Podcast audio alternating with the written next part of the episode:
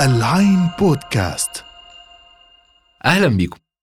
النهاردة تعالوا نتكلم عن واحدة من الأصول اللي اكتسبت شعبية كبيرة في السنتين اللي فاتوا واللي في فترة من الفترات كانت ترند الثروة السريعة.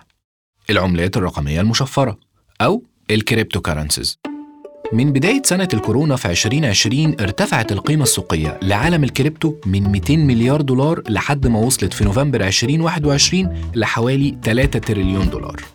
يعني اللي استثمر في الفترة دي كسب 15 ضعف. أيوة 15 ضعف. ما أظنش إن في أي أصول تانية سواء بقى ذهب دولارات شهادات استثمار أو حتى عقارات ايا كان مكانها ممكن تجيب العائد ده.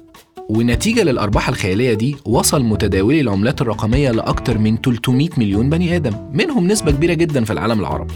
يعني كتير مننا كعرب بيبصوا للكريبتو على إنه مصدر آمن للاستثمار. حد ممكن يقول لي آه بس يا كامل دلوقتي الكريبتو بيخسر والسوق واقع. ده حتى مسمينه شتاء الكريبتو أو ال crypto winter. هقول لك فعلا عندك حق. بس على فكرة دي مش أول مرة. فليه ما بصيتش على اللي بيحصل دلوقتي كفرصة ذهبية إنك تلحق تشتري في الرخص عشان تبيع بعدين في الغالي؟ فكر فيها كده. تعال نجاوب السؤال ده وغيره ونفصص كل اللي بيحصل في العملات الرقمية وبعدها لما تبان الصورة كاملة هنعرف إزاي ممكن نستفيد من الفرصة اللي قدامنا. طولت عليكم فخلونا نبدأ معاكم محمد كامل في حلقة جديدة من عرض وطلب من العين بودكاست.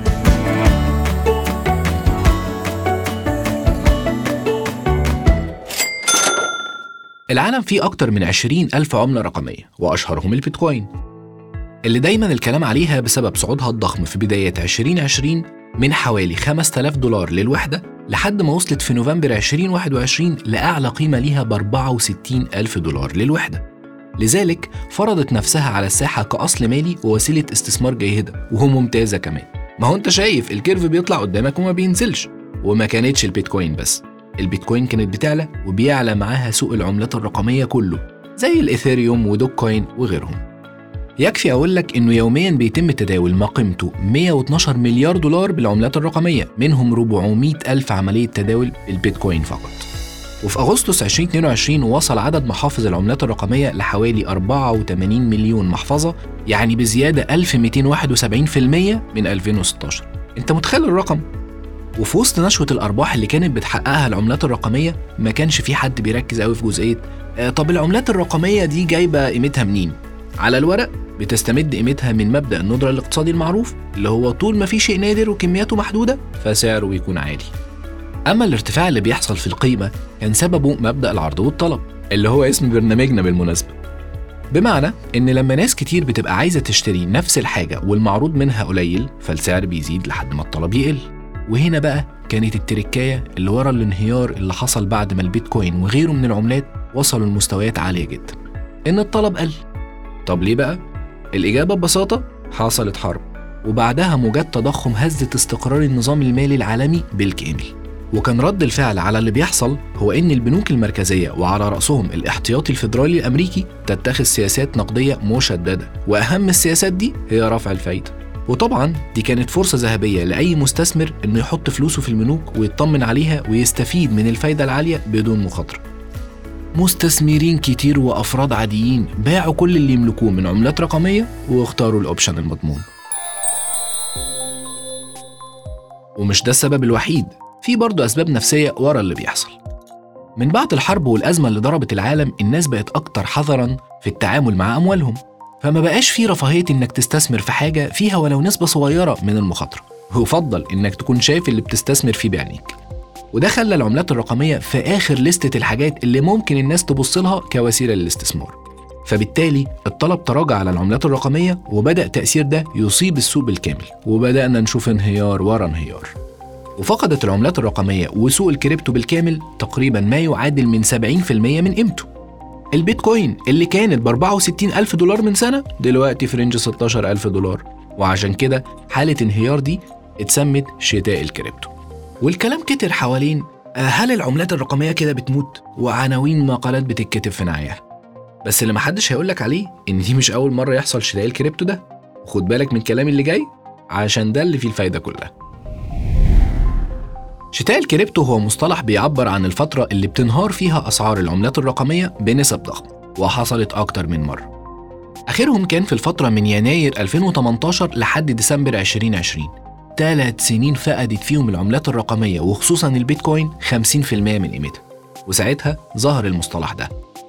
طب إيه اللي حصل بعدها؟ زي ما قلت لكم سنتين من الصعود المستمر وبعدها رجعنا للهبوط من تاني. والنمط اللي اتحركت بيه العملات الرقمية مش مفاجئ قوي على فكرة. بالعكس ده بيشبه نمط اقتصادي معروف بيحصل مع أسهم البورصة. لما بتمر بفترات كويسة بتتسمى bull market أو سوق الثور. ودايما بيجي بعدها فترات انهيار وبتتسمى bear market أو سوق الدب وبعدين نرجع للصعود تاني وهكذا طب ليه الدايرة دي بتحصل عموما؟ شوف علشان لما السهم بتبقى قيمته رخيصة بيزيد الإقبال عليه فسعره بيزيد لأن الطلب بقى أكبر من العرض ولما سعر السهم يزيد بنسبة كبيرة جدا المشترين بيقرروا يجنوا أرباحهم فيبيعوا كل اللي معاهم فالعرض بيبقى أكتر من الطلب فسعر السهم بيقل ويرخص ويزيد الإقبال عليه من تاني ونعيد الدايرة. سوق العملات الرقمية والكريبتو ما يختلفش كتير. يمكن المرة دي أسباب الانهيار مختلفة شوية زي ما قلنا بدايتها حرب وبعدها تضخم ورفع فايدة. بس آثار الحرب وصدمتها الأولية للأسواق فاضلها شوية وتنتهي وترجع الأمور تستقر من تاني والفايدة اللي اترفعت هتنزل. كل المؤشرات بتقول كده. بس لازم تاخد بالك برضو إن انتعاش سوق الكريبتو من تاني ممكن ياخد شهور أو حتى سنين والسوق نفسه لازم يوصل للحضيض قبل ما يرجع يتحسن. وممكن تلاقي عملات رقمية بتوصل قيمتها للصفر زي اللي حصل في عملة لونا في مايو اللي فات. وده معناه إنك لو ناوي تستثمر في الكريبتو حاليا مستفيد من السعر الرخيص يبقى ضروري يكون بمبالغ أنت مش هتحتاجها لمدة سنتين ثلاثة قدام. يعني ترميها وتنساها لحد ما العجلة تدور من تاني وال curve يعلى. التاريخ وحسابات الاقتصاد هم اللي بيقولوا كده. في النهاية خلينا ألخص لك الوضع إن زي ما شتاء الكريبتو بيمثل كارثة وخسارة لكتير من المستثمرين اللي ركبوا trend ال crypto متأخر وهو في العالي فهو برضه بيمثل فرصة ذهبية للناس اللي قلبها جامد وما لحقتش curve ال crypto من ثلاث سنين وهو في أوله. وربنا يقدم اللي فيه الخير. بس كده دي كانت دردشتنا النهارده. ما تنسوش تسمعونا على موقعنا العين dot com slash podcast وعلى مختلف المنصات Apple Podcast Spotify Google Deezer أنغامي و SoundCloud واللايك والشير قبل ما تمشوا. وأنت معاكم محمد كامل. دمتم بخير.